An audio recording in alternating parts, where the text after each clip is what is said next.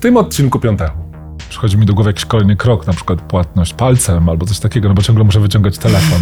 To jest ta, nie jest to dużo pracy, ale jednak Mhm, jest to coś, co można zoptymalizować. Prowadzimy takie y, działania też globalnie, które się nazywają Biometric Checkout, czyli idziemy w takim kierunku, żebyś właśnie nie musiał zbliżać, tylko żebyś to ty mógł, czy poprzez selfie, czy uśmiech, czy wiesz, pomachanie prawie do, do jakiegoś Okej. tam czytnika zapłacić, więc Słuchaj, no, wiesz, to y- jest tylko krok od tego. Cześć. Nazywam się Marcin Kowalski, jestem CTO GFT Polska i zapraszam Was na mój wideo podcast Piątek, w ramach którego rozmawiam z moimi gośćmi o biznesie, technologii i o tym, jak biznes i technologia wpływają na siebie nawzajem. Zapraszam do słuchania.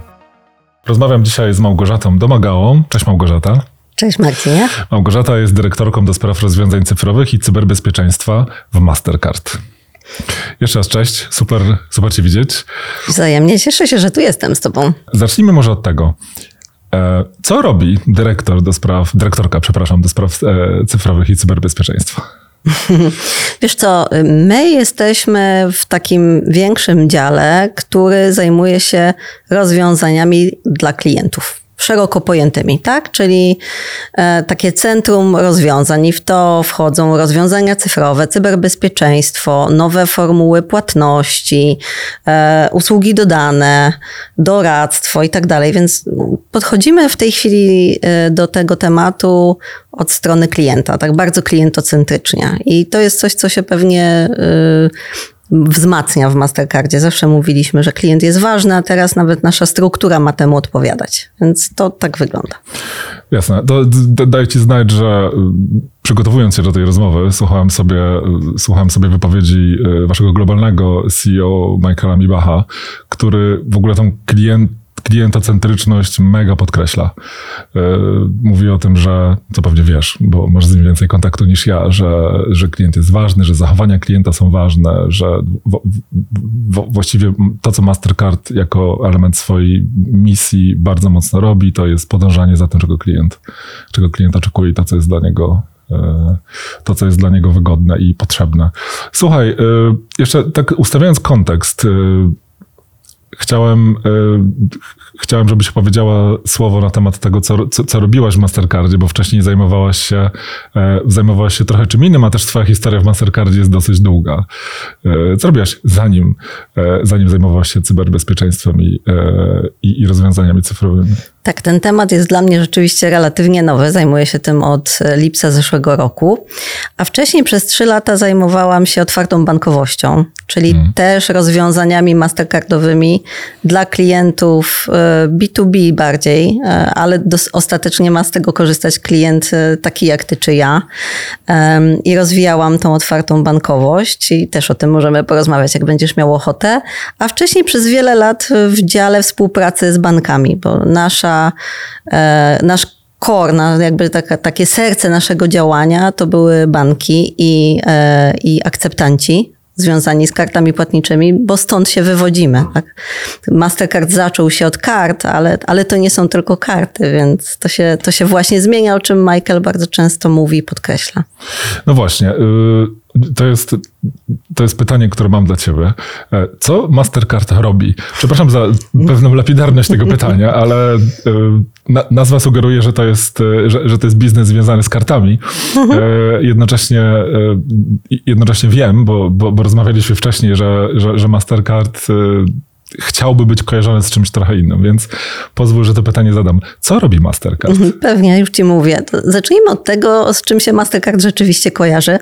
I większości osób kojarzy się z tym plastikowym kartonikiem z dwukolorowym logo.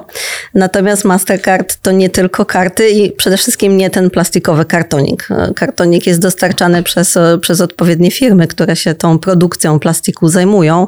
A Mastercard to jest połączenie technologii i zbioru pewnych reguł, które powodują, że ta technologia działa zawsze w ten sam sposób. Czyli z jednej strony, jeżeli sobie wyobrażasz, że rzeczywiście chcesz zapłacić kartą, no to dzięki temu, że twoje e, narzędzie płatnicze ma to logo, to wiesz, że w danym miejscu kartą w dowolnej formie, czy w plastikowej, czy w twoim telefonie, czy w moim zegarku możesz zapłacić.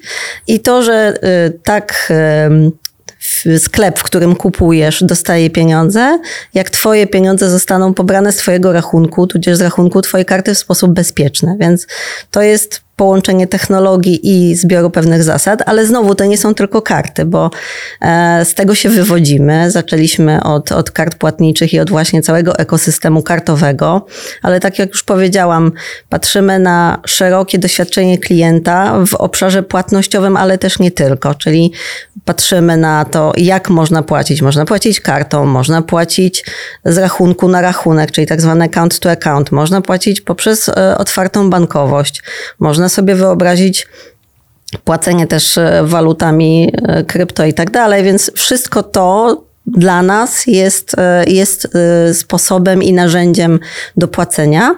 Natomiast my zajmujemy się, tak jak powiedziałam, szeroko pojętymi usługami w ramach płacenia i około. No i stąd na przykład moje cyberbezpieczeństwo.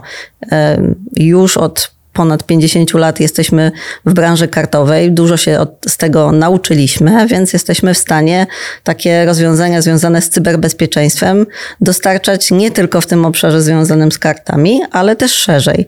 No z takich ciekawostek to, to nasze doświadczenie e, związane właśnie z kartami spowodowało, że nasze działania zapobiegły w ostatnich dwóch e, latach e, transakcjom oszukańczym na ponad 30 miliardów dolarów na świecie. Więc no wiemy, wiemy, co robimy globalnie, oczywiście globalnie. Ja więc... Przez chwilę się obawiam, że może w Polsce. Nie, nie, akurat Polska jest bezpiecznym krajem, więc wiesz, cyberbezpieczeństwo, wartości dodane dla klienta ostatecznego, dla naszych klientów finansowych, takich jak banki, akceptanci. Analizujemy trendy, patrzymy na dane w sposób zanonimizowany, więc nie patrzymy na, na dane Twoje, Marcinie, e, bezpośrednio, tylko wszystkie dane, które mamy w systemie są anonimizowane, a z nich możemy pewne trendy e, wyciągać i, i, i pewne kierunki, które nam mówią, co mamy robić dalej. To brzmi mocno jak fintech. Podpisałabyś się pod tym, że jesteś pracownikiem fintechu? Wiesz co, ja bym powiedziała, że Mastercard na pewno ma takie aspiracje, żeby być fintechowy i robimy wszystko, żeby być zwinni, żeby działać szybko i sprawnie, ale jednocześnie wykorzystywać naszą skalę i, i, i właśnie ten cały ekosystem. Więc ja bym powiedziała, że jesteśmy globalną firmą z duszą fintechu. Jasne. Powiedz mi, e, to jeden aspekt to jest aspekt taki prokliencki, mhm. to o czym, o czym przed chwilą mówiłaś. Jest też kwestia roli Mastercard w ekosystemie finansowym w Polsce. E, jestem ciekaw, jak wy siebie widzicie e, jako partnera dla innych instytucji finansowych. Wiesz co, no właśnie to powiedziałeś. Widzimy siebie jako partnera, czyli z jednej strony jesteśmy organizacją, która ma pewne menu rozwiązań, które może dostarczać, ale przede wszystkim może też e, na podstawie tego, co obserwuje, wyznaczać nowe trendy, proponować innowacje. E, I tutaj taka ciekawostka, jeżeli pozwolisz. E, rzeczywiście chociażby płatności zbliżeniowe, o których jak teraz sobie pomyślisz, są turbo naturalne dla nas. Płacimy kartami zbliżeniowymi, czy tym zegarkiem, telefonem, czym, czymkolwiek sobie zażyczymy. To może być nawet breloczek albo, albo wisiorek. A wszystko zaczęło się 15 lat temu od tego, że y, Polska jako jeden z trzech krajów został wybrany e, do, do właśnie rozpoczęcia i, i, i przyjrzenia się płatnościom zbliżeniowym. Przyszedł e, człowiek z centrali i mówi: Słuchajcie, mamy takie fajne płatności zbliżeniowe, co wy o tym myślicie? Nam się to bardzo spodobało, bo jest wygodne, nie musisz podawać karty, masz cały czas kontrolę nad tym, co się dzieje.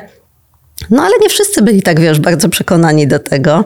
Mieliśmy spotkanie z jedną osobą w banku, która mówi, no fajny, wiesz, taki hobby project, ale to się nie przyjmie. No i wiesz, jesteśmy w tej chwili 15 lat później, płatności zbliżeniowe, tu mam taką ciekawostkę, y, sobie pozwolę zacytować. W drugim kwartale zeszłego roku to było 2,2 miliarda transakcji w Polsce, to są dane nas, naszego NBP-u i to było 23% więcej niż rok wcześniej, więc naprawdę te płatności się mega, mega szybko rozwijają. Powiedziałeś o Polsce w przypadku e, płatności mhm. zbliżeniowych. E, przy okazji potwierdzam, totalnie jestem użytkownikiem płatności zbliżeniowych. Ja nie wiem, nie jestem chyba najmłodszym użytkownikiem rozwiązań Mastercarda, jakiego można sobie wyobrazić, ale jednocześnie ciężko mi sobie wyobrazić świat bez tego rozwiązania. Wydaje się mega naturalne, tak jak sobie teraz o nim myślę, jak, mówiłaś, to, to, to, to przychodzi mi do głowy jakiś kolejny krok, na przykład płatność palcem albo coś takiego, no bo ciągle muszę wyciągać telefon.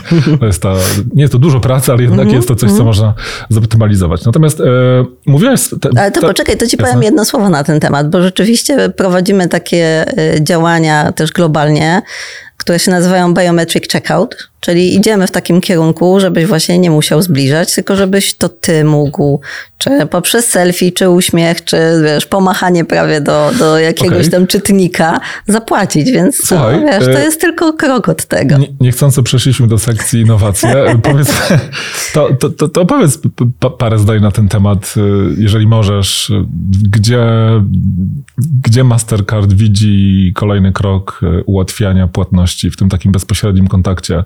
Rozumiem, że to w punkcie sprzedaży, bo, bo o tym scenariuszu teraz mówimy.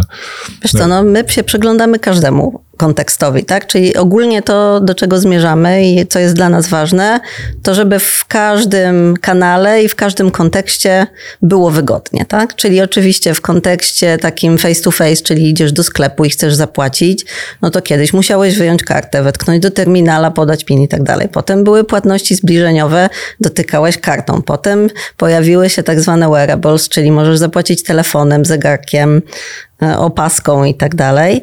E, No to wszystko będzie zmierzało na pewno właśnie w, w kierunku takiego uproszczenia i e, dania ci możliwości zapłacenia sobą, bo ty jesteś jakby unikalny, tak? Czyli swoją biometrią.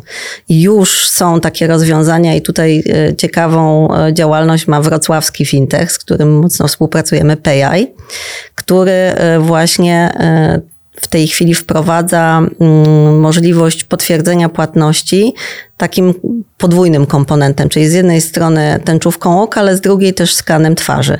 Mm, To dzięki temu, że to jest tak połączone, powoduje, że możesz uniknąć wszystkich trudności związanych ze słabym oświetleniem, czy dobrym zeskanowaniem tej tęczówki i tak dalej. Więc bardzo, bardzo ciekawe też rozwiązania.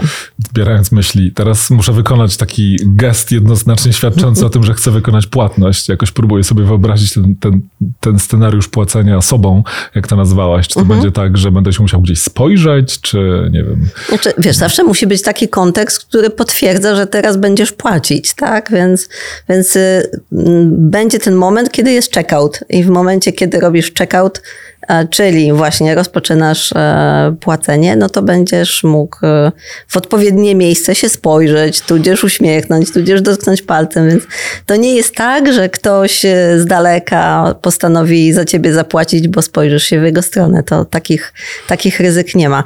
Ale to jeszcze, wiesz, jeżeli myślimy o tej przyszłości, no to są kolejne konteksty, no bo teraz rozmawialiśmy o takim typowym kontekście związanym z face to face, czyli z taką płatnością w świecie realnym, no ale w świecie e-commerce'owym też ta płatność ma być coraz wygodniejsza i, i bezpieczna, E, więc tutaj też są wprowadzane rozwiązania i z jednej strony Mamy rozwiązania związane z e, takim cyfrowym portfelem, gdzie możesz swoją kartę w sposób bezpieczny zapisać i nie musieć jej za każdym razem przepisywać, podawać danych. To jest taki standard e, ogólnoświatowy e, stworzony przez IMVICO, nazywa się Click to Pay, więc będzie można i już w Polsce za chwilę też tak płacić, że nie będzie trzeba tych e, numerków przepisywać. No a poza tym, jeżeli mamy miejsce, gdzie robimy zakupy często i, i ufamy temu miejscu, to naszą kartę tam też możemy zapisać. I naszą rolą jako właśnie e, du, dużego technologicznego partnera jest zapewnienie, że to zapisanie też będzie bezpieczne. Tak? Czyli stwarzamy znowu konkretne reguły i zasady, jak to zapisanie karty ma być. Ta karta jest tokenizowana, czyli jest tworzony do niej dodatkowy wirtualny numer, który spowoduje, że nawet gdyby się wydarzyła taka sytuacja, bo się zdarzają, w Polsce rzadko, ale w Stanach zdarzały się znacznie częściej, że jakieś dane wypłynęły, to te dane są bezużyteczne, ponieważ token, który powstaje, jest tylko i wyłącznie powiązany z danym partnerem i z twoim, z twoim urządzeniem. Jak o tym mówisz, to pomyślałem sobie, przyszło mi do głowy pytanie, jak wy widzicie, czy jak ty widzisz y, poziom zaufania polskiego klienta, takiego, takiego klienta końcowego do, e, do, do rozwiązań kartowych. Wiem, że kiedyś to wyglądało trochę, no, klienci nie byli tak, tak do końca pewni.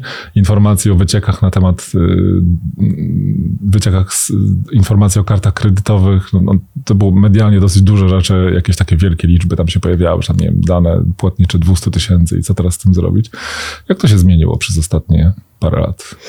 Wiesz co, no, Polacy sięgają bardzo chętnie po nowoczesne metody płatności i postrzegają jako wygodne i bezpieczne. I co ciekawe, e, właśnie postrzegają jako bardzo bezpieczne płatności zbliżeniowe chociażby dlatego, że nie podajesz, nie podajesz karty e, do tego sprzedawcy. Na 88% Polaków skorzystało z co najmniej jednej metody cyfrowej płatności w zeszłym roku i to są, to są dane e, bardzo świeże. My tutaj prowadzimy taki Mastercard New e, Payments Index i Polacy traktują bezpieczeństwo jako bardzo ważne w kontekście podejmowania decyzji. 52% mówi, że to jest najważniejszy element, a dopiero potem wygoda.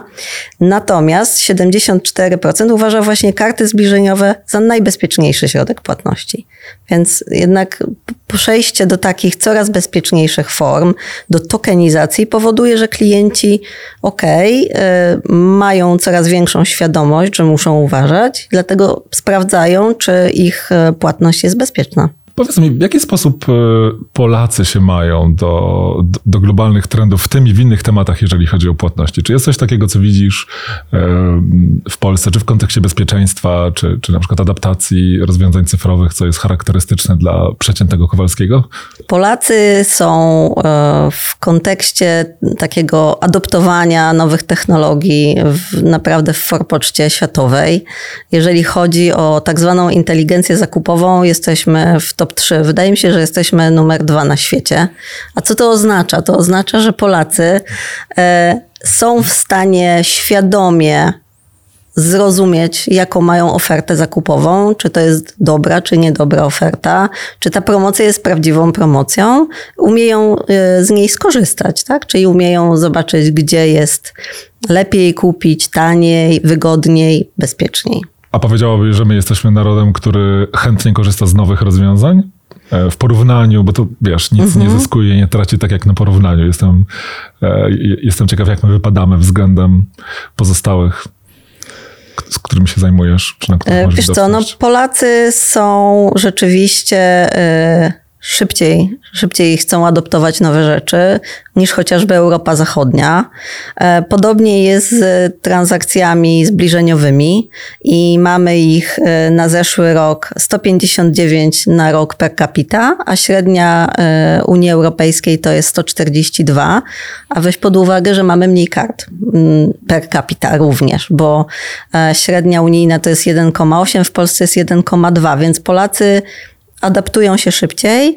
E, jeżeli pomyślimy sobie o płatnościach mobilnych, o tym, że ponad 50% Polaków już swoje konteksty obsługi rachunków bankowych przeniosło do, e, właśnie do, do mobila, to powiedziałabym, że to absolutnie potwierdza tę tezę. Praca w GFT trochę sprawia, że mam widoczność na kilka, na, na kilka rynków e, kilka rynków finansowych i jeszcze jak e, właśnie kilka, właściwie globalnie mam widoczność na rynki finansowe.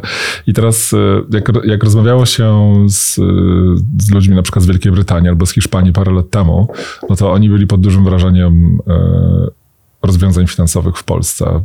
Znali marki, bankowości, byli pod wrażeniem tego, jak na przykład robimy banki, które nie mają, nie mają oddziałów, zanim to było cool. E, czy, I teraz jestem ciekaw, jak to wygląda dzisiaj. Czy to jest tak, że my, że my twoim zdaniem my jesteśmy cały czas do przodu, czy, to, czy, czy na poziomie europejskim ta odległość pomiędzy, pomiędzy Polską a, a tak zwanym Zachodem e, się zmniejsza, zwiększa? Jak to wygląda? Wiesz co, myślę, że nadal jesteśmy e, do przodu. Nadal jesteśmy w forpoczcie, jeżeli chodzi o technologię, o innowacyjność. E, Europa nas próbuje gonić. Są pewne rozwiązania, które się na danym rynku e, adoptują szybciej. E, no nie wiem, N26 się bardzo pięknie zaadoptowało, ale tak jak mówisz, no w Polsce mm, naście lat temu powstał bank, który nie miał oddziałów i to było absolutnie szokujące dla, dla osób z Europy Zachodniej, więc nadal jest mnóstwo rzeczy, które e, pozytywnie zaskakują. Jeżeli chodzi o innowacyjność banków jesteśmy y, na pewno bardzo, bardzo y, wysoko. Jeżeli sobie rozmawiam z osobami z Europy Zachodniej i pokazuję naszych banków aplikacje mobilne, ja nie jestem y, typowym Kowalskim, ponieważ mam tych aplikacji bankowych krocie, bo, bo lubię po prostu oglądać, porównywać i obserwować innowacje to y, są absolutnie zaskoczeni, co my jesteśmy w stanie w bankowości mobilnej zrobić, jak ona jest mm, wygodna, jak jest wielofunkcyjna, jak dużo kontekstów w tej płatności, w tej bankowości mobilnej możesz zrobić. No bo możesz tam zrobić przelewy, możesz y, nawet sobie kupić bilet do metra, możesz y, różne inne e, funkcje zrobić, możesz zmienić limity. To, to na przykład, że możesz swoją kartę włączyć lub wyłączyć w aplikacji bankowej, możesz zmienić limit albo ustawić, że ta e, karta ma działać tylko w terminalach, a nie działać w internecie albo nie działać w bankomatach. To jest coś, co absolutnie dziwi E, inne kraje. Jednocześnie to nie jest rzecz, która dla mnie kojarzy się z jakimś nieosiągalnym, świętym gralem Oczywiście. E, designu aplikacji, prawda? A powiedz mi, bo takie rzeczy zazwyczaj nie dzieją się przez przypadek, tak sobie mm. wyobrażam, że rzeczy się nie dzieją przez przypadek, co ogólnie nie jest prawdą, ale, ale myślę, że też, ale w, w jakim stopniu jest, że że ekosystem, w którym się funkcjonuje, ma wpływ na to, w jaki sposób innowacja rozwija się i w jakim tempie. Mm. Takim super klasycznym przykładem tego jest na przykład Drina Krzemowa. No to jest taki, to, taki przykład tego, że, że, można to zrobić, można to zrobić dobrze. I teraz w Polsce, w, no właśnie, jak to jest w Polsce, Twoim zdaniem, z Twojej perspektywy, jeżeli chodzi o łatwość robienia biznesu um, i, i środowisko regulacyjne? Jak to, się, jak to się ma do robienia tego, co robi, e, co robi Mastercard? Ja też przy okazji myślę sobie o tym, co, co wspomniany wcześniej Michael Mibach e, mówi na wasz temat. Mówi, że generalnie zawsze jesteście przed regulatorem ze względu na to, że po prostu robicie innowacyjne rozwiązania. No więc w przypadku innowacyjnych rozwiązań, jego zdaniem, e, jest tak, że innowatorzy zawsze są trochę z tyłu i muszą nadganiać to, co wymyśli Mastercard i inni. Wiesz co, to jest tak, że... Um Polska jest y, krajem, gdzie mamy bardzo mocno y, wyregulowane pewne czynności, zwłaszcza te związane y, z, z funkcją instytucji finansowych. E, mamy taką złotą trójkę, jak ja to mówię, czyli z jednej strony outsourcing, czyli jak instytucje finansowe mogą korzystać z poddostawców, z drugiej strony chmura, czyli jak można wykorzystywać chmurę e, do przechowywania danych, czy, czy w ogóle wykorzystywać ją w swoim biznesie. No i prywatność danych. Wszystkie te trzy elementy są e, w sposób taki bardzo strict wyregulowane w Polsce. Czyli nasz regulator jest bardzo, e, podchodzi do tego tak, żeby było bardzo, bardzo bezpiecznie. Co oznacza, że czasami jest bardzo, bardzo trudno wprowadzić pewne innowacje, bo wymagają użycia chmury albo wymagają um, wykorzystania poddostawców różnych rodzajów, tak? Więc na pewno, żeby biznes robił się łatwiej, e, warto byłoby się wspólnie z regulatorem przyjrzeć, co dałoby się zrobić być może troszeczkę inaczej, ale nadal bezpiecznie. Jesteś osobą bardzo doświadczoną e, w branży finansowej. Jesteś, jesteś w ogóle w Mastercardzie. E, Mastercard musi coś robić dobrze, skoro przekonuje cię e, co, co, co, roku, żebyś, żebyś z Mastercardem została. Powiedz mi, patrząc z tej perspektywy twojej kariery i, i i, w sumie bardzo szybko rozwijającej się technologii, która pozwala robić rzeczy inaczej, szybciej, lepiej. Co jest taką najważniejszą dla ciebie zmianą w przeciągu tych paru lat? Wiesz co, ja myślę, że nie ma czegoś takiego, co się wydarzyło tylko w przeciągu tych paru lat. To jest pewna ewolucja i, i dla mnie to, co jest absolutnie najważniejsze, co mnie trzyma w tej firmie, to są dwie rzeczy. Po pierwsze, ludzie, to są wspaniali ludzie i mm. na pewno jak będziesz miał kiedyś okazję, to chętnie ci ich przedstawię, bo, bo to są cudowne osoby. Jak ja zaczęłam pracować w Mastercardzie, była nas szóstka a teraz jest to ponad 100 osób e, w naszym głównym biurze. Mamy też taką spółkę córkę, która się zajmuje processingiem. Tam jest e, prawie 300 osób e, tutaj w Polsce, więc się bardzo mocno rozwinęliśmy, ale takie DNA związane z tym, że są to ludzie, którzy mają pasję, którzy chcą robić fajne rzeczy, którzy są dynamiczni i którzy dbają o siebie nawzajem, to się nie zmienia, więc to jest taki punkt pierwszy. A druga rzecz, która jest absolutnie zachwycająca, to jest to, że zawsze jest coś nowego. Właśnie to nie jest taki, no wiesz, taki nudny biznes, że siedzisz i przekładasz papierek z lewej na prawą i cały czas i codziennie robisz dokładnie to samo. Jestem tutaj już tyle lat i tak jak mówię, miałam okazję zobaczyć, jak wchodziły płatności zbliżeniowe. To było coś, wiesz, najpierw była, był mikroprocesor, no to mnie to ominęło, już aż tak długo nie jestem w Mastercardzie, ale jednak. Potem płatności zbliżeniowe. Potem się pojawiły tematy związane z otwartą bankowością, z innymi formami płacenia. My na to mówimy New Payment Platforms, czyli inne platformy, tak? Że podchodzimy do tego, żeby dawać nowe wartości dodane dla klientów, że mamy lojalność, że teraz to cyberbezpieczeństwo, jakby nie można się nudzić. Zawsze jest coś fajnego i, i coś nowego. Słuchaj, zwróciło moją uwagę teraz, jak mówiłaś, e, o ilości osób, którą macie w Polsce, która, e, porównując to do Giefta, e, nas jest już 1500 mniej więcej w Polsce, więc jeżeli to jest ponad 100 osób, co zakładam, że to nie znaczy, że to jest 1000 osób, tylko, tylko 100 coś, to jest, to jest bardzo mało jak na organizację, która ma, która ma tyle do zrobienia, taki zasięg i taką odpowiedzialność. Ale wiesz, to właśnie jest korzyść tego, że jesteśmy globalną, ekosystemową e, organizacją. Nie musimy mieć każdej każdego elementu naszej organizacji tutaj na miejscu. Na miejscu w Polsce są osoby, które odpowiadają właśnie za współpracę z klientami, za rozwiązania produktowe, za marketing, za doradztwo, za dane. Natomiast pewne funkcje możemy mieć e, scentralizowane i i nie ma ich tutaj po prostu. Jasne.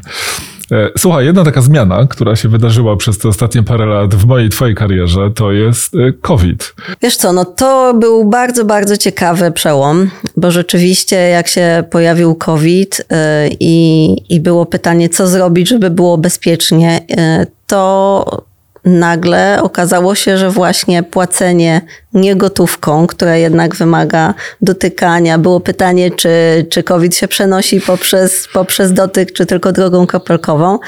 E, no okazało się, że płatności niegotówkowe, bezgotówkowe no, są dużo bardziej bezpieczne i to, co się zmieniło, na co możesz zwrócić uwagę, to, że w wielu miejscach pojawiły się takie karteczki, prosimy o płatność bezgotówkową, więc to jest ogromna zmiana i ludzie rzeczywiście coraz więcej płacą w sposób, w sposób bezgotówkowy. Druga rzecz, która na pewno się zmieniła, to adopcja płatności e-commerce'owych. Dużo osób przeniosło się ze swoimi zakupami właśnie do e-commerce'u. Dlatego też tak bardzo ważne dla nas jest, żeby te rozwiązania e-commerce'owe były wygodne. Czy to, się tak, czy to tak zostanie? Zobaczymy. Część osób e, naturalnie wróciła do swoich starych obyczajów i do płatności e, w świecie fizycznym, ale część bardzo mocno korzysta z tego, czego się nauczyła i robi to nadal w e-commerce. Poza tym właśnie to, że nie trzeba pójść do oddziału, że bardzo dużo można zrobić w bankowości elektronicznej czy mobilnej, myślę, że nauczyło bardzo dużo osób i to nie tylko młodych. Właśnie co ciekawe, te, te, ten tak zwany silver economy e, też się bardzo dużo już takiego podejścia bezgotówkowego i, i bez kontaktu z oddziałem nauczyła. Powiedziałabyś, że Polacy wrócili już do stanu sprzed, e, sprzed pandemii, jeżeli chodzi o ich e, zachowania, czy na przykład optymizm związany z, e, z podróżowaniem albo z nie wiem, korzystaniem z usług. Nie wiem, czy masz widoczność na takie dane. Czy wiesz co, ja myślę, że pewne rzeczy się y, zmieniły i przeszliśmy do takich rozwiązań hybrydowych. To znaczy i w pracy, i w takich kontekstach właśnie zakupowych staramy się korzystać z tego, czego się nauczyliśmy, a jednocześnie korzystamy z tego, co było naszym e, gdzieś tam e, dostępne dla nas wcześniej. E, Ja sobie tak o tym myślę w kontekście pracy, że możemy pracować w biurze, ale możemy też pracować przez Teamsy z domu. Jest to bardzo wygodne i myślę, że taka hybryda z nami zostanie.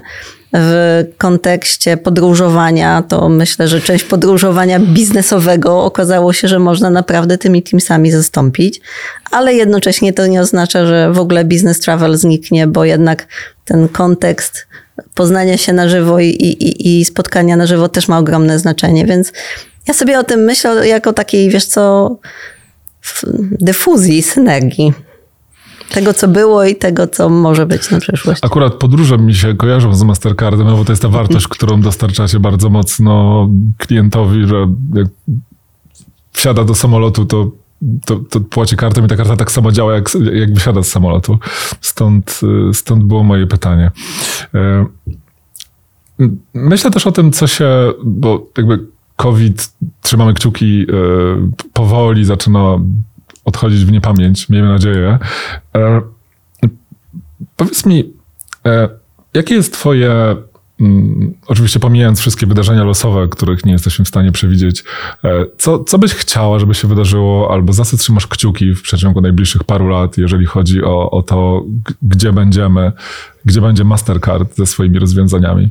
Wiesz co, no, ja bardzo trzymam kciuki za to, żeby e, kontynuować tą strategię klientocentryczności. Myślę, że całe podejście do tego, żeby przyglądać się potrzebom klienta i je realizować, to jest dokładnie to, co, to, co powinno się wydarzyć, tak? Bo jeżeli sobie pomyślisz o tym, że są pewne oczekiwania klientów, że ma być wygodnie i ma być bezpiecznie i najchętniej bez kompromisów, no to ja sobie właśnie o tym w ten sposób myślę, że mm, trzymam kciuki za to, żebyśmy mogli dalej rozwijać cały ten ekosystem, żeby było wygodnie i bezpiecznie. To, jest, to mi zwraca w ogóle moją uwagę, że o tym mówisz już któryś raz, że wygodnie to jest, e, to jest ta potrzeba, to jest ta potrzeba, na którą zwracacie uwagę. Jak ma być? Ma wy, wygodnie, żeby się klient nie denerwował za bardzo. Jak No ma. ale wiesz, pomyśl sobie o, o nowoczesnym kliencie. No ten klient też się zmienia, tak? On właśnie życzy sobie, żeby było wygodnie przede wszystkim, żeby było wygodnie dla niego. Bo to nie ma być po prostu wygodnie, tylko ma być wygodnie dla niego. Czyli dla jednej osoby to wygodnie będzie oznaczało trochę inny kontekst, dla innej jeszcze inny. Więc myślę, że pod tym względem chciałabym, żebyśmy w tą stronę szli. A powiedz mi, e, w sekcji innowacja e, jest taki bardzo duży trend, e, który jak rozumiem, e, płatności, płatności bezdotykowe, e, zbliżeniowe można, można przypisywać do Mastercardu. Nie wiem, czy, e, czy kup teraz, zapłać później. Można wam przypisywać, natomiast no, to jest, to jest bardzo duży, to, jest- to, teraz to jest super hit. Nawet w miejscach, w których, e, szczerze mówiąc, się tego, tego trochę nie spodziewam, w takim sensie, że nawet tego jak nie potrzebuję, to i tak ktoś mi proponuje, że mogę zapłacić później. No dobrze, to zapłacę później. I teraz to, to jest takie... E, To jest, takie rozwiąz- mm, to jest takie rozwiązanie, które się właśnie bardzo kojarzy z kartą kredytową. Jak wy się do tego e, ustosunkowujecie? Jak gracie w tą grę? Czy, czy, czy jesteś tutaj partnerem tych firm, które te rzeczy obsługują, czy jakoś, jakoś inaczej? Jak to wygląda? Tutaj ci powiem, że dla mnie e, stwierdzenie buy now, pay later to de facto jest opowieść o karcie kredytowej, bo płacisz kartą kredytową dzisiaj i dopóki nie kończy się twój okres rozliczeniowy, nie musisz tej transakcji spłacić, więc Trochę działa to na, po, na, podobnym, e, na podobnej zasadzie. Natomiast oczywiście firmy takie w tym powiedzmy klasycznym pojęciu buy now, pay later, takim, które widzimy dzisiaj w Polsce, mm, działają poprzez różne metody spłacania tego właśnie rozwiązania, czyli Czyli buy now, pay later i to może być przelew, może też być płatność kartą, więc my tam jesteśmy jako y, źródło pieniądza, dostarczenie tego pieniądza. Y, mamy też nasze rozwiązania, które pozwalają na rozłożenie płatności w terminalu na raty i robimy takie, takie wdrożenia od strony akceptacji. Czyli można sobie wyobrazić taką sytuację, że jesteś w sklepie i robisz większą transakcję i masz taką funkcję na terminalu, która mówi, a może chcesz to rozłożyć, albo chcesz za to zapłacić nie całą kwotę, tylko, tylko rozłożyć ją na raty. Nie jest to wprost buy now, pay later, no ale, ale poniekąd tak. E, więc też się temu trendowi bardzo mocno przyglądamy. Mamy swoje rozwiązania, rozmawiamy o nich z graczami na rynku. Więc możemy tutaj występować jako partner, możemy występować jako dostawca rozwiązania również. A propos przyglądania się na rynku, to wiem, że traktujecie tą sprawę bardzo poważnie, ponieważ macie swój własny kawałek organizacji, który zajmuje się pomaganiem, e, po, pomaganiem startupom mhm. czy nowym firmom robienia, e, robienia biznesu z wami. E, powiedz parę, parę słów na temat, na temat tego, jak to działa i, e, i, i co, może tam się coś ciekawego dzieje teraz w temacie e, buy now, pay later. Czy... Wiesz co, my już od dobrych, nie chciałabym nie wiem dokładnie ile, ale myślę, że z 10 lat, tak jak ja kojarzę, mamy taki program do rozwijania startupów i to się nazywa StartPath, tak jak ścieżka, start, ścieżka startowa. Mm, I polega on na tym, że rzeczywiście e, startupy mogą się do nas zgłaszać, do takich E, rund, można powiedzieć, z różnymi swoimi pomysłami. Zwykle to są jakieś pomysły związane z kontekstem właśnie czy, czy UX-u, czy płatności, czy, czy nowych jakichś platform e, i rozwiązań płatniczych. Mm, I mamy takie spotkania na każdym kontynencie, więc jeżeli jakiś nasz polski startup się zgłosi, ma szansę się wyskalować na całym świecie. E, co ciekawe, mamy też takiego gracza z Polski. W przeszłości też taki gracz był, więc to są absolutnie realne rzeczy. Startupy zgłaszają się, są e, najpierw przeanalizowany ich model biznesowy, ich rozwiązania, potem e, instytucje, z którymi współpracują, współpracujemy, mają możliwość porozmawiać z tym startupem. Potem są takie spotkania właśnie na każdym kontynencie, gdzie startupy mogą się zaprezentować, zrobić taki pitch do potencjalnych partnerów, tudzież inwestorów. A dla najlepszych e, z najlepszych mamy też nasze można by powiedzieć, fundowane stypendium, gdzie pomagamy takiemu startupowi się rozwijać. Ma wtedy dostęp do naszych laboratoriów, do naszych technologii. Laboratoriów. Jakoś... E, tak na to mówimy. Mamy, mamy też taką komórkę, która się nazywa Mastercard Labs, ale jest to takie miejsce, gdzie właśnie siedzą e, mądre głowy i myślą, co będzie tą następną fantastyczną innowacją. Małgorzata, bardzo Ci dziękuję za rozmowę. Bardzo e, Usłyszałem dzisiaj o firmie, która jest po pierwsze elitarna trochę, bo jest tam tylko nieco ponad 100 osób, odpowiedzialnej, której można zaufać, która jest e, skoncentrowana na kliencie i do tego jeszcze wspiera ekosystem finansowy w Polsce. Więc e, czuję się wyróżniony, że w ogóle mogłem z Tobą porozmawiać. Bardzo dziękuję e, widzom za, e, za uwagę i już niedługo zapraszam na kolejny piątek. Cześć!